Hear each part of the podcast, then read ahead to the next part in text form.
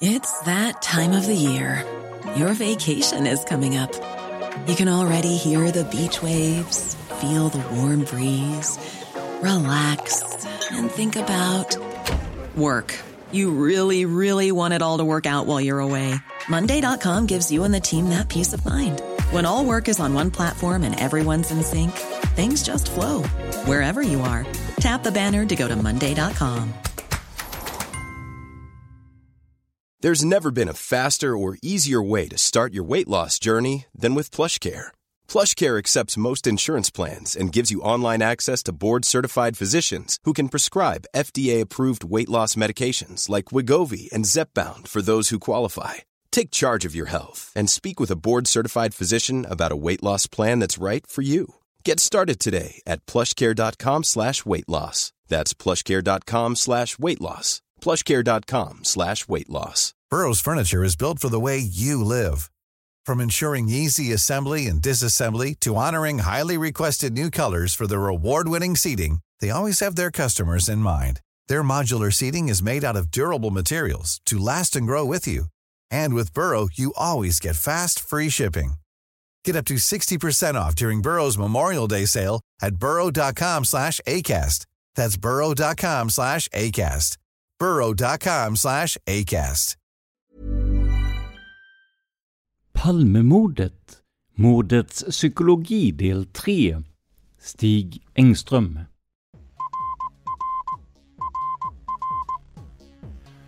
Sveriges statsminister Olof Palme är död. 90 000. Ja, det är mord på Sveavägen. Hörde de säger att det är Palme som är skjuten. Mordvapnet med säkerhet är en Smith Wesson, en revolver kaliber .357. Inte ett svar. Finns inte ett svar. För jag har inget. Och jag har inte varit Varför skulle jag göra Polisen söker en man i 35 till 40-årsåldern med mörkt hår och lång mörk rock. Välkomna till podden Palmemordet som idag görs av mig, Tobias Henriksson på PRS Media. Har du funderat på att sponsra oss via patreon.com palmemordet men tyckt att det varit krångligt med betalning i dollar, valutakurser och annat? Oroa er inte, för nu kan ni sponsra oss i helt vanliga svenska kronor via Patreon. Som sponsor får du lite extra mycket av podden, som till exempel extra avsnitt, kortare klipp och enkäter. Du kan läsa mer om det och börja sponsra oss på just patreon.com palmemodet. Tack för ditt stöd!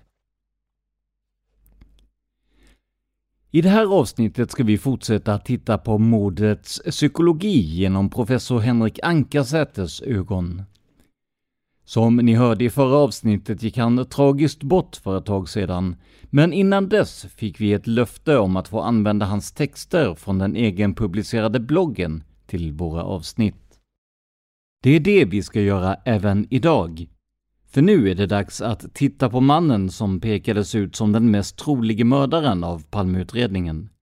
Stig Engström, mer känd som Skandiamannen. Men innan dess vi har ju redan berättat att ni kan sponsra oss på Patreon, men när ni väljer att starta, eller gud förbjude avsluta en Patreon-prenumeration hos oss, hör gärna av er i ett privat meddelande antingen på just Patreon eller på facebook.com palmemordet och berätta vad det var som fick er att påbörja eller avsluta prenumerationen. För vi gör den här podden för er, och om det finns något sätt som vi kan bli bättre på så vill vi veta det. Men nu över till dagens ämne. Och i och med att Henrik Ankarsäter inte längre är med oss kommer det att bli en del citat från hans blogg. Som jag sa i förra avsnittet, det är såklart inte optimalt, men det är det bästa vi kan göra för att föra fram de intressanta tankar som Henrik lämnade efter sig. Stig Engström, Skandiamannen kallad, pekades som sagt ut som en sannolik mördare på presskonferensen sommaren 2020. Men vem var han ur ett psykologiskt perspektiv? Går det att säga något om hans eventuella kapacitet till mord och sannolikheten att han skulle kunna ha gjort det? Med hjälp av psykologi och just Henrik Ankarsäter ska vi försöka ta reda på det. Henrik börjar med att avgränsa sina inlägg till vad de kommer att innehålla och inte. Och jag känner att det kan vara viktigt för oss att ta med. För det här handlar inte om att korsfästa Engström, eller för den delen att fria honom. Tanken är att objektivt försöka beskriva Engström utifrån psykologiska och psykiatriska metoder. Därmed inte sagt att det kommer att bli en klinisk bedömning av personen, för därtill är underlaget inte tillräckligt starkt. Som ni vet gjorde vi ett försök att bedöma Viktor Gunnarsson, om vilken vi hade avsevärt mycket mer information. Men redan det var svårt med tanke på att vi inte kunde prata med personen själv. Det blev såklart ännu svårare här, med tanke på att vi pratar om en person som var betydligt mer privat och som dessutom pekats ut som misstänkt statsministermördare. Ankarsäter fortsätter med att sammanställa vad vi vet om Engström och hans liv runt tiden för mordet. Det här kan komma att bli en viss upprepning för er som känner till mycket om Skandiamannen, men det kan vara bra att ha med som en introduktion. Så det här är Henrik Ankarsäters egna ord om varför han skriver om Engström och lite bakgrund till personen. Citat. Till skillnad från andra misstänkta kan man utgå från att Engström verkligen var på mordplatsen. Han stämplade ut från sin arbetsplats inne på Skandia några minuter innan Olof Palme sköts till döds och gick, efter att ha bytt några ord med väktarna i receptionen, oklart hur länge, ut genom huvudentrén mitt på huskroppen, cirka 50 meter norr om byggnadens sydvästra hörn, där mordet ägde rum. Dessutom kom han tillbaka in till entrén 20 minuter senare och berättade för väktarna vad som hade hänt. Han var då så skärrad att de ville sätta honom i en taxi hem, men han ringde sin fru och fick nattbusstider och gick sin väg.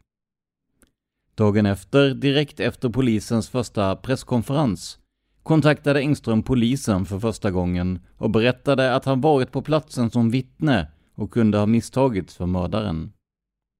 I presskonferensen hade nämligen ett signalement som stämde på Engström på flera punkter föredragits och han ville fästa polisens uppmärksamhet på detta orimliga förhållande. Dessutom hade han själv, som vittne, sett en yngre man i en blå täckjacka, som kunde vara mördaren, inne på Tunnelgatan utanför Kulturhuset, där ljuset föll på en viss plats på den annars mörka gatan. Han kontaktade också Svenska Dagbladet och ställde upp på intervju för att berätta sin historia. Även om han gav sken till polisen, journalisten, en granne och arbetskamrater på Skandia att det var han som jagades av polis och journalister.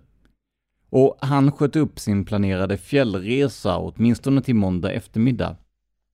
Polisen kom dock att ställa sig kallsinniga till hans tips och berättelser. Några enskilda polismän verkar ha intresserat sig för honom i perioder av den tidiga utredningen. Men det blev inte mycket av utredningen mot Engström genomförd utöver enskilda polisers initiativ. Vi fortsätter citera Henrik Ankarsäter. Om man utgår från Engström som gärningsman var att ge sig till känna som vittne det absolut enda han kunde göra i detta läge. Eftersom han stämplat ut minuterna före mordet var det bara en tidsfråga innan polisen skulle upptäcka honom som ett huvudspår. I så fall kom det att bli en remarkabelt framgångsrik strategi, trots att både riktiga poliser och deckarförfattare återkommer till att första vittnet på plats alltid ska ses som en huvudmisstänkt. Om man utgår från att Engström var inblandad i mordet spelade både strategin med att framställa sig som vittne och en fenomenal tur honom i händerna steg för steg. Som vi kommer att se här kan hans person och livshistoria ha underlättat för honom. Först reste han bort resten av första veckan efter mordet och när han kom tillbaka till Stockholm hade polisens fantombild just publicerats, som inte liknar Engström, men inte heller gärningsmannen har man förstått med åren. Oavsett vilket kom den att prägla både vanliga polisers och människors bilder av gärningsmannen långt mer än spaningsledningen avsett. Sedan gick Arne Ewell i pension ungefär vid samma tid som Hans Holmér började intressera sig för det senare så bekanta PKK-spåret. Slutligen under 1987 lades Engström till handlingarna som varande på mordplatsen av en polis på tre felaktiga grunder som upptäcktes av Thomas Pettersson och ledde fram till Filters dramatiska rubrik. Vid en bildkonfrontation med vittnet Yvonne N, som iakttagit den fladdrande rocken, visade man en bild på Engström där han bar en tung, kort ullrock som inte kunde ha fladdrat. Engström hade kunnat peka ut fyra personer från mordplatsen på bild, som dock antingen förekommit i media eller kunde ha uppfattats av gärningsmannen. Och slutligen hade man sannolikt blandat ihop Engström med den så kallade BMW-föraren, som definitivt hade varit ett ögonvittne på mordplatsen och till skillnad från Engström kunde placeras där av övriga vittnen. Vid denna tid hade polisen drunknat i tips från allmänheten om udda personer, Palmehatare, personer som liknade fantombilden och ibland rena skrönor för att få vara med och spela en roll i denna unika historia. Mordplatsen och vad som verkligen utspelade sig där hade försvunnit bland spåren, som istället konstruerades utifrån tänkta motivbilder. Där slutar vi för tillfället citera Henrik Ankarsäter. Så det här är anledningen till att Henrik tyckte att just Stig var intressant. Henrik fortsätter att sammanfatta Stigs liv och här ska vi bara plocka ut valda delar för att inte upprepa oss allt för mycket. Om ni vill ha en grundlig genomgång av Stigs liv, lyssna gärna på de många avsnitt vi gjort om Skandiamannen. Först lyssnar vi på Henriks inledning om Stig, som inte direkt berör hans liv, utan huruvida han kan vara intressant som gärningsman. Här börjar vi med rubriken Stig Engström 1986. Citat. Många som kom i kontakt med Engström redan 1986 sa samma sak som många säger idag efter att ha läst eller hört om honom som en möjlig gärningsman bakom Palmemordet. Ungefär, nej, det kan inte vara han, han är helt fel, han har inte det som krävs. Det är svårt att riktigt veta vad som menas med detta. Vad som skulle utmärka en kandidat för mordet som inte är fel. Vad man tänker skulle krävas för att skjuta ett medelålders par i ryggen en mörk kväll. Men det är tydligen något man anser att Engström saknar. Engströms anhöriga har återkommit till detta i intervjuer på senare år. Han eh, var för feg. Skulle han ha gjort det skulle han ha gjort det på långt håll. Han var, var för snäll. Han kunde inte gjort en fluga för när. Onekligen fanns en sån vänlighet, en vilja att vara andra till lags, att sprida glädje omkring sig, i hög grad hos Engström. Där fanns också ett aggressivt stråk. Engström talar själv om hur han hade varit lyckligare om han varit mindre ärelysten och att hans karriär och privatliv var i en utförslöpa var uppenbart redan vid tiden för mordet. Så kallad long term failure, som är det gemensamma draget Clark hittat hos sina attentatsmän. För att höra mer om den här berömda Clark, lyssna på föregående avsnitt. Han hade inte fått chefsbefattning på arbetet. Han hade kommit på kant med sina partivänner i Moderaterna. Han hade dålig ekonomi, överkonsumerade alkohol och hade kroniska kroppsliga hälsoproblem. En historia kan vara betydelsefull. På Skandia behövdes en reklamkampanj som skulle illustrera risktagande och Engströms kollegor ville ha en bild av en människa som gav sig ut på en ranglig bro över ett stup medan Engström istället skrattande insisterade på ett stort hotfullt lejon som lurpassar bakom ett stenblock på en inte ont anande person som kommer gående. I bevarade brev kan han vara elak och försmädlig om andras tillkortakommanden i samband med mordet. Om han var skyldig planterade han ständigt små antydningar om det, som för att jäcka och driva med polisen och media som inte förstod bättre om man ska lägga pussel. Jag var i allra högsta grad närvarande vid mordet. Om jag hade varit mördaren.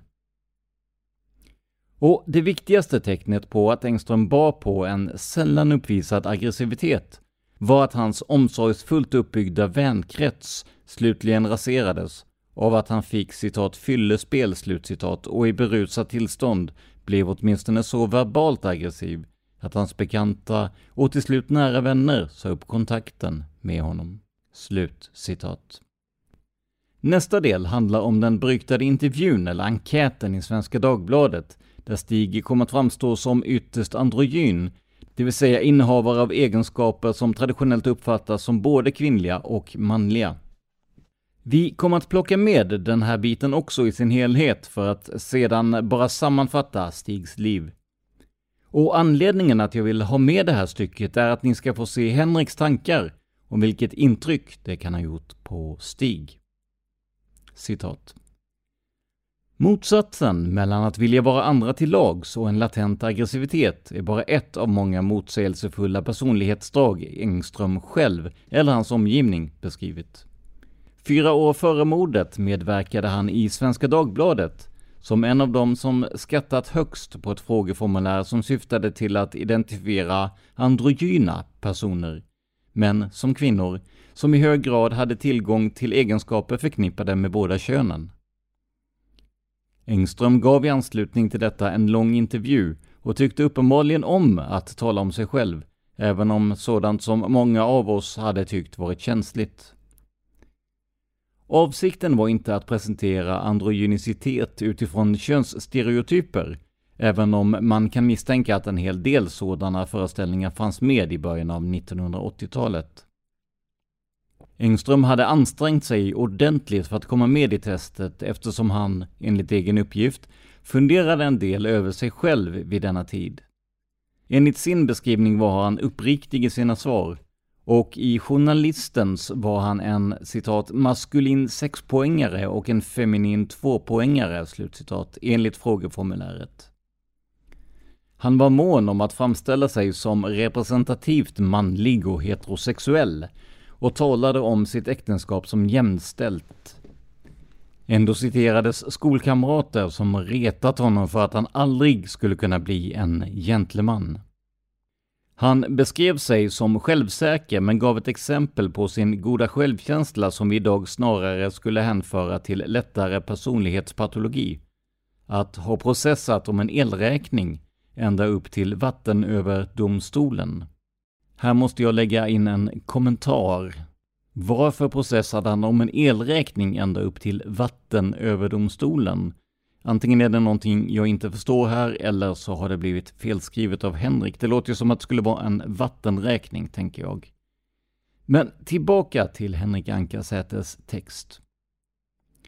Under en stor del av artikeln återkom Engström till hur rädd han är att såra andra eller göra människor ledsna, vilket vi väl idag snarare skulle se som ett tecken på bristande självkänsla. Han förnekade uttryckligen att han skulle vara blyg, svartsjuk, egenkär eller konventionell. Däremot var han översvallande, uppmärksamhetssökande och extravagant. Han älskade att ordna fester. Märkligt nog har det talats om en narcissistisk sida hos honom, trots att han var så mån om att göra andra glada.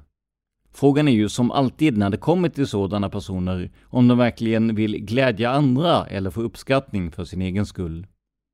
Att motsättningarna mellan uttalade och motstridiga personlighetsdrag kunde skapa explosiva spänningar inom Engström, eller i förhållande till andra, är inte förvånande. Han kunde också mycket riktigt skapa drama och hade en benägenhet att lägga skulden för sådant som gick honom emot på personer i omgivningen eller på ovidkommande omständigheter. När arbetskamrater tillfrågats om Engström har de sagt att han förde tankarna till Liberace. Slut citat. Men Stigs liv då? Henrik har skrivit mycket om det, men jag sammanfattar hans tankar i korthet. Först menar han att man med fog kan säga att Stig kom från överklassen. Han berättar också lite om åren i Indien och också om den i egna ögon traditionella uppfostran som Stig fick både i Sverige och i Indien. Under uppväxtåren menar Henrik att Stig såg bra ut, var rolig och duktig på att teckna. Han var dessutom bra på löpning, vilket inte är svårt att tro om man sett det inslag i Rapport där han rekonstruerar sina rörelser på mordplatsen. Stig ska dock ha haft problem med mer teoretiska ämnen och misslyckades med att ta studentexamen. Därför kom han att ägna sig åt teckning och illustration efter sin militärtjänstgöring. En tidigare hustru berättar att Stig verkligen kunde föra sig i sociala sammanhang, faktiskt på ett så bra sätt att hon blev riktigt imponerad. Engström arbetade på Skandia från 1968 till 1996, då han gick i förtidspension några år före förväntad ålder. Enligt Henrik hade karriären nog gått i stå sedan länge. Han behövde för mycket tid för sina arbetsuppgifter, han sköt upp mycket och blev tilltagande perfektionist vid ritbordet. På det personliga planet hade Engström sedan slutet av 70-talet plågats av reumatism och dessutom råkat ut för en allvarlig fallolycka när han målade på sommarstället. Han ådrog sig då en halskotfraktur som tvingade honom att gå med stag fastborrad i skallen i tre månader. Omgivningen skämtade då med honom och kallade honom massmänniskan. Under 1980-talet började Engström också utveckla tilltagande alkoholproblem som blev riktigt allvarliga under 1990-talet med rattfylla, inneliggande avgiftning och utbrott när han i berusat tillstånd bad sina vänner och släktingar dra åt helvete för små eller inbillade oförrätter. Trots detta var han i sig själv fortsatt social och valde snabbt in i kamratföreningar och deras styrelser för de trevliga fester och sociala evenemang han ordnade. Vänner har beskrivit honom som en person de inte riktigt tog på allvar, men som livade upp tillvaron med sitt utåtriktade, extravaganta sätt. Man skrattade också åt hans istadiga processande om fel eller orimliga skador han skulle ha utsatts för, en tendens som enligt Henrik förde honom fram till gränsen för kverulansparanoia, men inte så långt att han verkar ha lidit av detta i psykiatrisk mening, enligt Henrik. Privat umgicks man i kretsar som passade parets bakgrund och släkt. Höga marinofficerare, diplomater och en före detta militär med vapensamlande som hobby. Det spelades också mycket bridge, Engström beskrevs som barnkär och trevlig av vänners idag vuxna barn. Hans textning var osannolikt perfekt och framstod som ömsom kalligrafisk, ömsom som tryckbokstäver. Vi vet ju alla vad som hände kring och efter Palmemordet för Stig. Han blev på eget bevåg en slags kändis som syntes i tidningar och i TV. Själv samlade han på tidningsurklipp och pratade mycket om mordet med familj, vänner och arbetskamrater. Henrik skriver att efterspelet till mordet blev som ett kortvarigt lyft i Engströms annars allt mer bekymmersamma situation vad gäller hälsa, ekonomi och karriär. This Mother's Day, celebrate the extraordinary women in your life with a heartfelt gift from Blue Nile. Whether it's for your mom, a mother figure, or yourself as a mom, find that perfect piece to express your love and appreciation. Explore Blue Nile's exquisite pearls and mesmerizing gemstones that she's sure to love. Enjoy fast shipping options like guaranteed free shipping and returns. Make this Mother's Day unforgettable with a piece from Blue Nile. Right now, get up to 50% off at BlueNile.com. That's BlueNile.com. How would you like to look five years younger? In a clinical study, people that had volume added with Juvederm Voluma XC in the cheeks perceived themselves as looking five years younger at six months after treatment. Look younger, feel like you. Add volume for lift and contour in the cheeks with Juvederm Voluma XC. Reverse signs of aging by adding volume to smooth laugh lines with Juvederm Volure XC. For important safety information and to find a licensed specialist, visit juvederm.com. That's J U V E D E R M.com. Not for people with severe allergic reactions, allergies to lidocaine, or the proteins used in Juvederm. Common side effects include injection site redness, swelling, pain, tenderness, firmness, lumps, bumps, bruising, discoloration, or itching. There's a risk of unintentional injection into a blood vessel, which can cause vision abnormalities, blindness, stroke, temporary scabs, or scarring. Talk to a licensed specialist to find out if it's right for you. This is Paige, the co-host of Giggly Squad, and I want to tell you about a company that I've been loving, Olive and June. Olive and June gives you everything that you need for a salon quality manicure in one box. And if you break it down, it really comes out to $2 a manicure, which is absolutely insane. It's also so easy to get salon worthy nails at home with Olive and June. The difference between how your nails used to look when you did them yourself and now with the Manny system is a complete game changer. The best thing about Olive and June too is it's a quick dry. Dries in about one minute, lasts for five days, and full coverage in up to one to two coats. Visit oliveandjune.com slash perfectmani20 for 20% off your first system. That's oliveandjune.com slash perfectmani20 for 20% off your first system.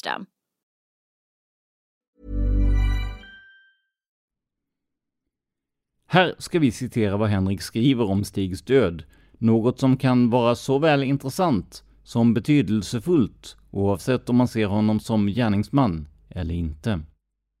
Citat. Under 1990-talet vände det neråt på allvar och ledde fram till förtidspension, alkoholsammanbrott med inneliggande avgiftning och en dom för grovt rattfylleri.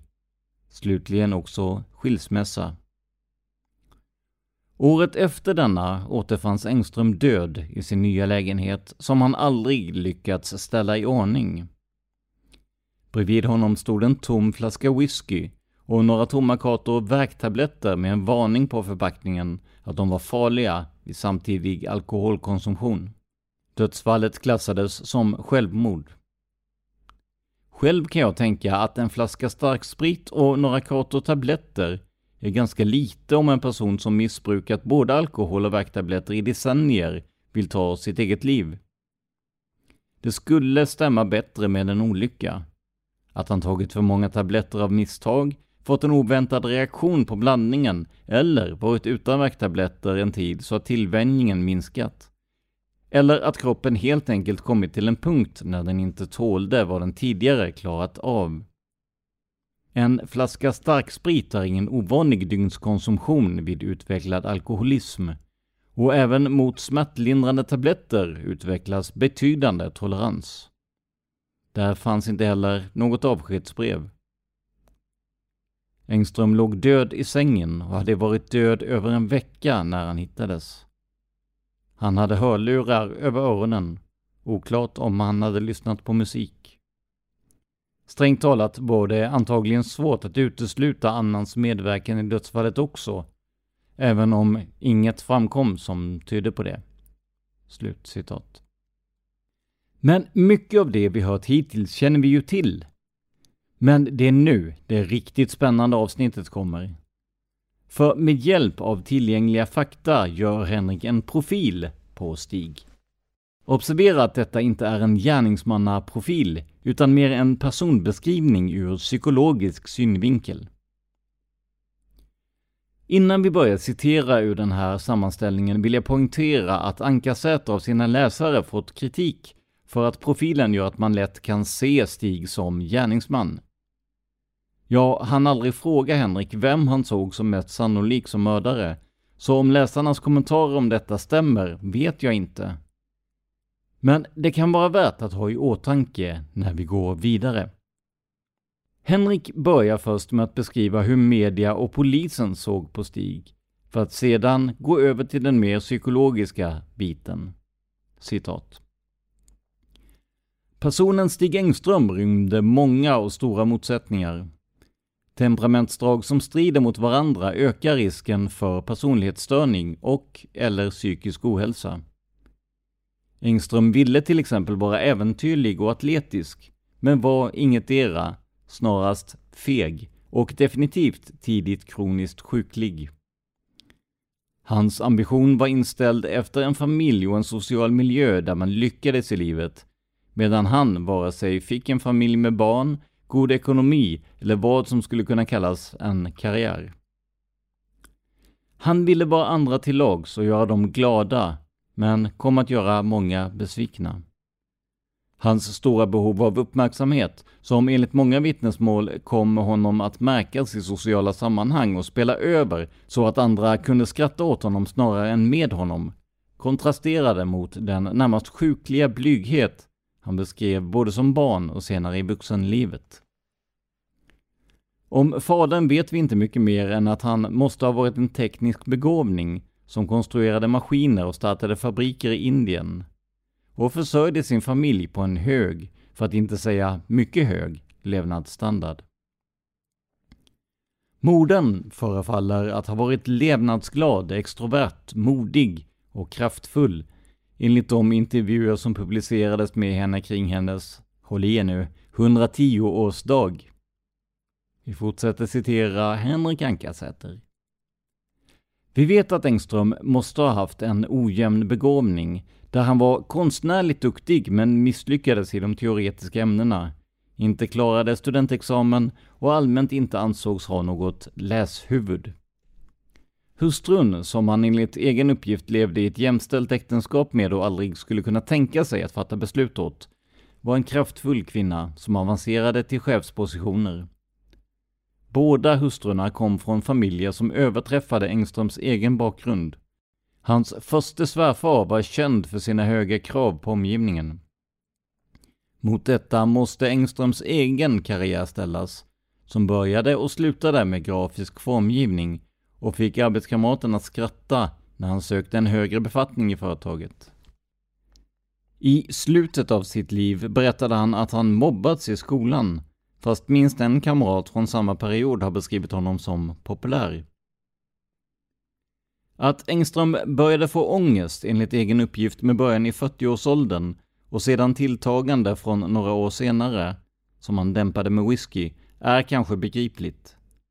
Pengarna räckte inte till för livsstilen och försök att tjäna pengar på investeringar misslyckades gång på gång.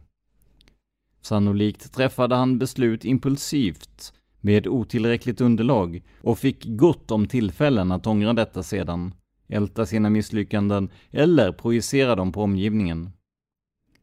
Motgångar kom också i en rad fall där Engström ansåg sig ha blivit felbehandlad av myndigheter, arbetsgivare och bekanta. Hans politiska karriär slutade abrupt kort efter att han hade blivit förtroendevald när han tog ställning för att bevara en skola som hans parti ville lägga ner. För en stund var han hjälte och omsvärmades av tacksamma föräldrar. Men snabbt förlorade han sin politiska position, som säkert varit viktig för honom och som kunde ha upprätthållit den sociala situationen. Förutom vännen, vapensamlaren, som det skrivits mycket om, bestod paret Engströms umgänge främst av personer med titlar som ambassadråd, överste, kommendör och så vidare och självklar tillhörighet i den sociala miljön i Täby. Slut citat. Nästa rubrik från Henrik heter ”Kan man anta att Engström hade någon psykiatrisk diagnos?” Citat. Om man ska samla Engströms olika psykiska problem under en diagnostisk beteckning behöver man först överväga en diagnos för att beskriva hans ojämna begåvning, som är ett tecken på en avvikande neurokognitiv utveckling som avspeglade sig i skolresultaten. Diskrepanserna mellan framgångarna vid ritbordet med kameran och på löpbanan, med misslyckandena i läsämnena och lagsporterna. Sedan en för att beskriva hans svåra personlighet, där olika krafter drog honom åt olika håll, accelererade och höll tillbaka, och som till slut tillsammans med den sociala situationen gav upphov till ångest, som pockade på tillfälligt lugnande med vin eller Black Label, och ett alkoholberoende som skulle utgjort huvuddiagnosen vid en eventuell utredning på 1990-talet. Den en behandling skulle ha utgått från. På nätet har det föreslagits att Engström kunde haft en autismspektrumstörning, men jag kan inte argumentera för en sådan diagnos när det handlar om en person som uppenbart kunde sprida god stämning runt sig socialt och var känd som en sällskapsmänniska som lyckades upprätthålla ett krävande umgänge och yrkesliv fram tills den naturliga negativa effekten av alkoholmissbruket satt in. Jag har också hört Engström beskrivas som helt normal och social, om än blyg och tillbakadragen, av en person som känt honom under uppväxtåren. Samtidigt är det anmärkningsvärt att han i hög grad skapade sina egna förutsättningar på arbetsplatsen, hellre än att arbeta i grupp, vidhöll sina idiosynkratiska uppfattningar mot alla invändningar och ofta invalideras som person och av personer som talar om honom. Han har också en lite stel mimik och kroppshållning och entonig mekanisk röst. Typiskt klumpig beskrivs han däremot inte som, och även om han visserligen verkar ha haft exekutiva svårigheter uppvisade han inte en klassisk ADHD-bild med hyperaktivitet, utan mer koncentrationssvårigheter, planeringsproblem och impulsivitet. En nedsatt förmåga till abstrakt tänkande och konsekvensanalys är vanlig vid denna bild och återkommer under Engströms liv. Hans självbild var ofta orimlig, vilket tyder på metakognitiva problem, och han uppfattade sociala situationer ur sitt eget perspektiv. En ojämn begåvning och inlärningsproblem tyder på signifikanta problem, men det är svårt att ta ställning till graden av funktionsnedsättning, förutom den uteblivna studentexamen, vilket ju inte i sig var något tecken på psykisk funktionsnedsättning. Men det stod ändå mot bakgrunden av tillgången på stöd och de fortsatta problem att planera och slutföra arbetsuppgifter som bildat mönster under Engströms liv. Generalkriterierna att kognitiva svårigheter ska ha gett dysfunktion och lidande från tidiga år är inte belagda. Men jag tror att Engström idag hade uppfyllt kriterierna för uppmärksamhetsstörning med ojämn begåvning och vissa autismliknande drag om han hade kommit till en neuropsykiatrisk utredning utifrån sina skolproblem vid tiden för den misslyckade studentexamen. Ändå levde Engström 30 år i ett äktenskap, var lika länge på sin arbetsplats och hade en stadig social förankring tills alkoholen började ta ut sin rätt. Jag tycker därför inte att man kan tala om någon personlighetsstörning, vare sig narcissistisk eller psykopatisk, som det föreslagits. Han kan helt enkelt inte ha fyllt kriterierna för något av dessa tillstånd mot bakgrund av vad vi vet idag. Även om man måste fundera över alla de motsättningar Engströms komplexa personlighet rymde. Om det skulle visa sig att han aldrig egentligen fungerade i äktenskap eller arbetsliv kommer saken i ett annat ljus. Med Sjöbrings svenska personlighetsklassifikation, som var mer använd i Sverige under Engströms uppväxt, skulle han ha kallats subsolid. Lättpåverkad, lättsuggererad, impulsiv, extrovert, extravagant, tillagsinställd och lättsam. Substabil, instabil till humöret. Supervalid, energirik. Och ojämnt kapabel, men utan att ha någon så djupgående karaktärsstörning att han kunde ha fyllt kriterierna för en psykiatrisk diagnos av persona patologica, Även om detta är svårbedömt utan fler vittnesbörd och framförallt utan möjlighet att undersöka Engström själv. Däremot förefaller Engström under 80 och 90-talen ha utvecklat en depressiv grundstämningsförskjutning med vissa paranoida tankestrukturer eller en paranoid beredskap. Där han utan faktagrund drog långtgående slutsatser om hur hans reumatism berodde på ett kvarglömt borr efter ett tandläkarbesök och så vidare. Ångest och alkoholberoende, allt på ett ganska klassiskt sätt motsvarande psykiatriska diagnoser. Under 1990-talet åtminstone, och sannolikt även vid tiden för Palmemordet. Men med sen debut, efter att han förstått att hans äktenskap sannolikt skulle förbli barnlöst och hans karriär ett misslyckande. Det förefaller därmed inte som ett av de tidigt debuterande affektiva tillstånden som ofta har en betydelsefull genetisk komponent och rymmer periodiska grundstämningsförskjutningar åt båda hållen. Maniska episoder är inte dokumenterade vad jag kunnat se.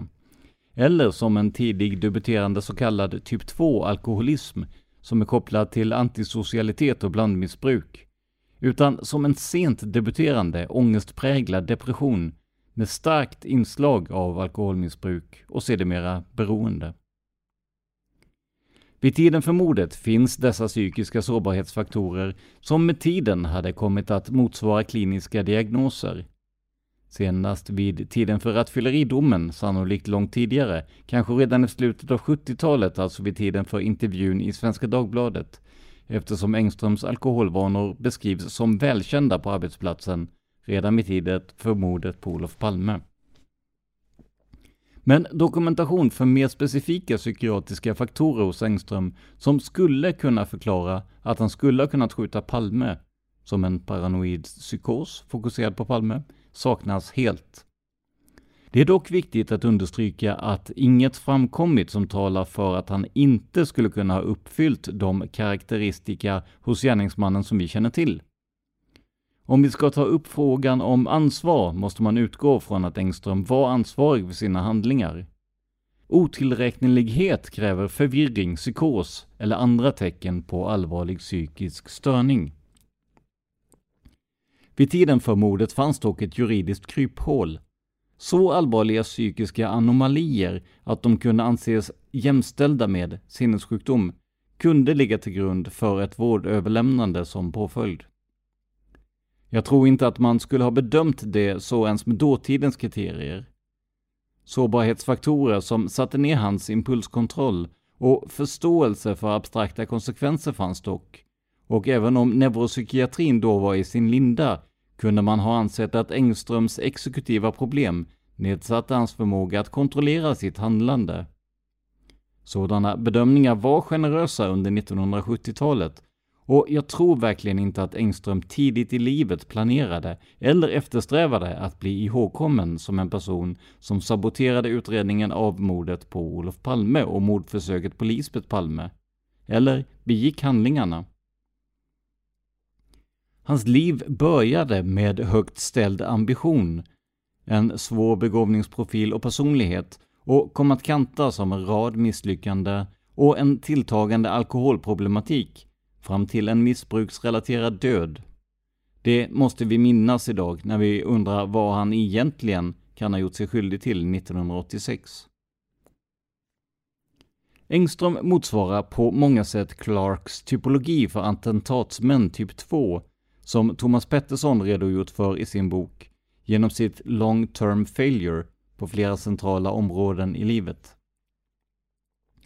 Om han verkligen är delaktig i mordet måste jag föra fram den alternativa faktor som oftast hittas hos förövare till grova våldsbrott som kommit till rättspsykiatrisk undersökning, men där man inte hittat någon tillräckligt allvarlig psykisk störning för att förklara ett till synes obegripligt brott. Gruppdynamik.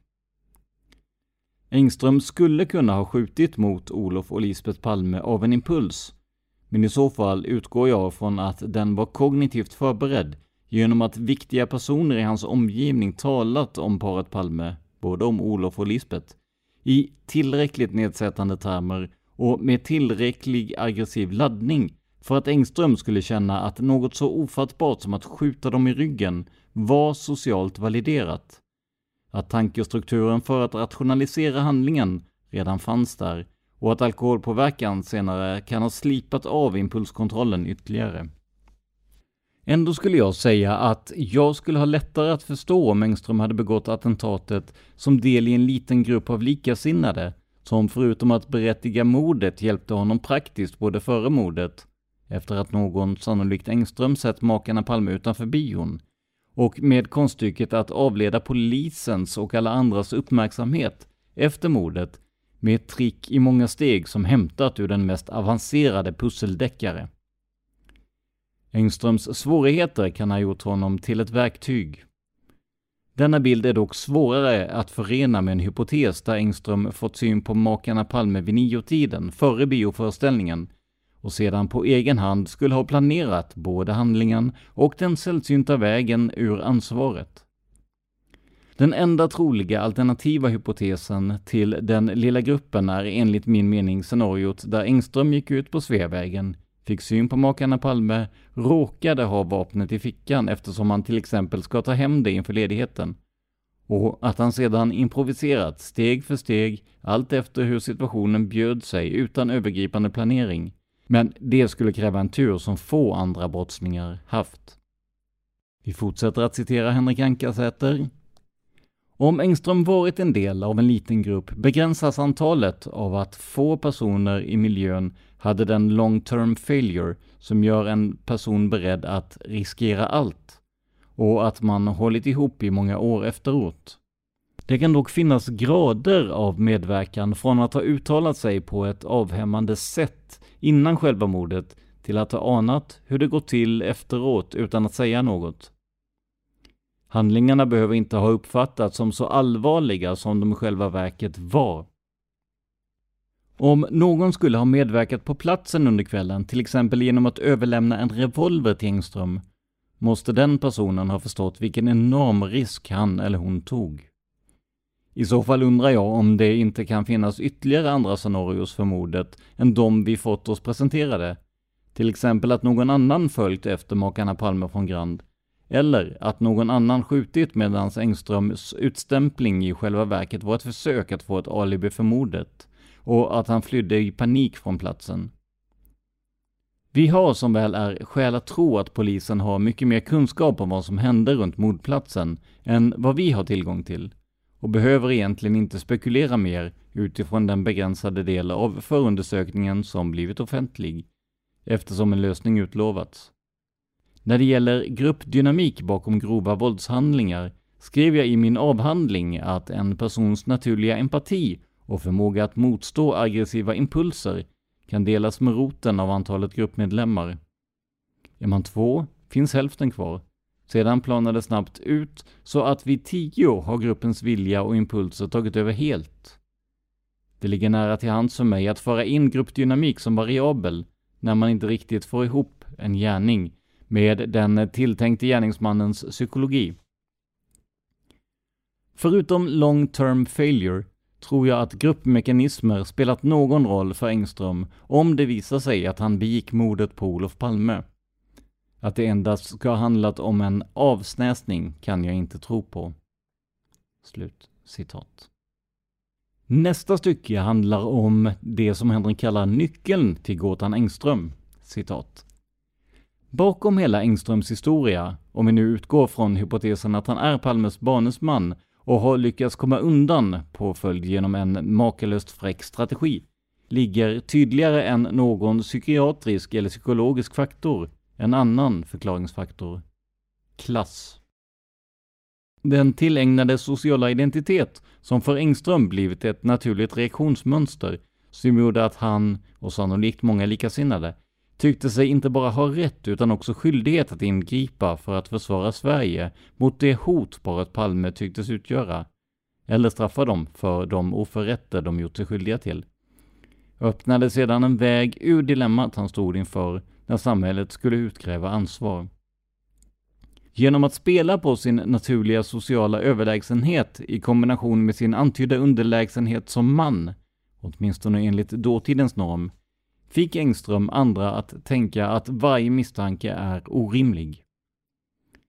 Samma argument har hörts med kraft från alla håll i samhället och även bland experter, även de senaste åren. Det gäller också om Engström inte var gärningsmannen i Palmemordet. Han lyckades ändå ljuga inför domstol och undgå en ordentlig utredning om sina förehavanden. Sverige framställs sällan som ett klassamhälle, men har alltid haft en eller flera överklasser som haft stort intresse av att inte markera detta förhållande utåt, men som ändå subtilt förmedlat att de kommer från en sfär av makt, inflytande och med socialt eller annat kapital så att de bemöts annorlunda än personer med annan social bakgrund. Detta är i min erfarenhet en starkare mekanism i Stockholm än i övriga Sverige och präglar naturligtvis vissa miljöer, akademin, näringslivstoppen och uniformsyrkena mer än andra. Vid sidan av den gamla typiska överklassen finns nya mediala, kulturella, ekonomiska, politiska, på andra sidan spektrumet, överklasser. Gemensamt är att vi talar lika lite om dem som vi gärna diskuterar klassfrågor i andra delen av spektrumet. Slutcitat. Men finalen då? Lösningen på gåtan? Det slutna rummet? Vad ni än vill kalla det? Ja, Henrik kallade finalen. Hercule Poirot har kallat oss alla till biblioteket. Citat. Engström-hypotesen säger inte bara att sanningen legat i öppen dag framför näsan på alla experter och intresserade, precis som i så många av Agatha Christies romaner, utan upplösningen verkar anta samma dramaturgi som hon ger åt sin mästertänkare Hercule Poirot eller Miss Marple. Förundersökningsledaren och åklagaren Christer Petersson har nu kallat samman det svenska folket till biblioteket ja, åtminstone till våra tv-apparater och datorer, för att likt Poirot berätta sanningen om mordet på Sveriges statsminister. Någonstans skulle jag inte bli förvånad om Peterson drar fram kort efter kort av bevisning, teknisk, men också en helt ny bild av vittnesmålen kompletterade med de som aldrig offentliggjorts. Kanske också fler personer som har vetat om eller anat vad som verkligen hänt, men inte drömt om att skvallra för några belöningspengar.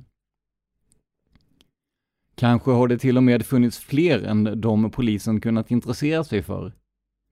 Sverige låg mittemellan de stridande i det kalla kriget och det krävde uppoffringar.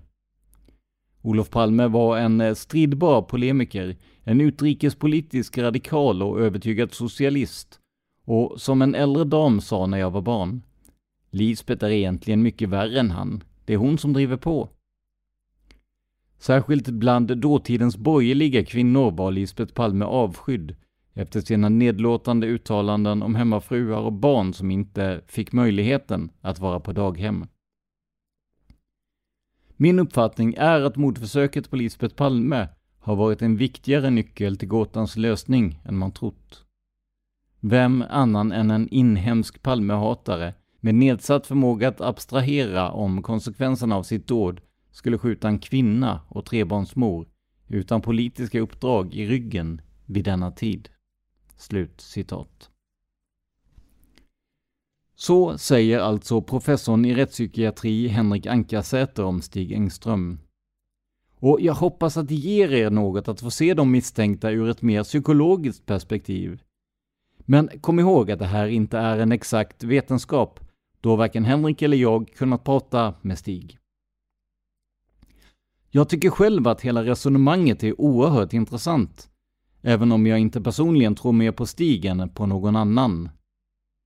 Men kanske kan en persons inre förklara mycket av det som kom att hända den där ödesdigra dagen i februari 1986. Vad väcker Henriks slutsatser för tankar hos er som lyssnar? Gå gärna in på facebook.com palmemordet och skriv vad ni tycker. Där finns också Dan och jag och svara på frågor om podden. Om du vill sponsra oss kan du göra det i svenska kronor sedan en tid tillbaka. För på patreon.com palmemodet väljer du själv vilken summa du tycker vi är värda per avsnitt. En summa som du numera alltså kan donera i kronor istället för i dollar eller euro. Fler sätt att stötta oss på hittar du i avsnittsbeskrivningen. Till sist vill jag återigen säga att anledningen till att vi inte har möjlighet att höra Henrik själv utveckla sina tankar är att han tragiskt gick bort under 2021. Därför tvingas vi i det här och förra avsnittet att ha en mer berättande form. Om du vill läsa hela texten och en hel del annat om Palmemordet, gå in på ankasater.blogspot.com. Ankasäter, eller Ankasater då, med CK. Det här var veckans avsnitt av podden Palmemordet som idag gjordes av mig, Tobias Henriksson på PRS Media. För mer information om mig och mina projekt besök facebook.com prsmedia.se eller gilla oss på Instagram där vi heter PRS Media. Ett ord, små bokstäver. Stort tack till Henrik Ankarsäter som än en gång och till och med efter sin bortgång hjälpte oss att få en djupare inblick i ämnet Palmemordet. Men framför allt, Stort tack för att du lyssnar på podden Palmemordet. Man hittar Palmes mördare om man följer PKK-spåret till botten. Därför att ända sedan Julius Caesars tid har jag aldrig hört talas om ett mord på en framstående politiker som inte haft politiska skäl. Polisens och åklagarens teori var att han ensam hade skjutit Olof Palme. Och det ledde också till rättegång. Men han frikändes i hovrätten. Nu ska vi ut på rövarstråt. Ja, vi ska ut och röva. Cool fact a crocodile can't stick out its tongue. Also, you can get health insurance for a month or just under a year in some states. United Healthcare short term insurance plans, underwritten by Golden Rule Insurance Company, offer flexible, budget friendly coverage for you. Learn more at uh1.com. Hey, it's Danny Pellegrino from Everything Iconic. Ready to upgrade your style game without blowing your budget? Check out Quince. They've got all the good stuff shirts and polos, activewear, and fine leather goods, all at 50 to 80% less than other high end brands. And the best part? They're all about safe, ethical, and responsible manufacturing. Get that luxury vibe without the luxury price tag. Hit up quince.com slash upgrade for free shipping and 365 day returns on your next order. That's quince.com slash upgrade. Here's a cool fact a crocodile can't stick out its tongue. Another cool fact you can get short term health insurance for a month or just under a year in some states. United Healthcare short term insurance plans are designed for people who are between jobs, coming off their parents' plan, or turning a side hustle into a full time gig. Underwritten by Golden Rule Insurance Company, they offer flexible, budget friendly coverage with access to a nationwide network of doctors and hospitals. Get more cool facts about United Healthcare short term plans at uh1.com.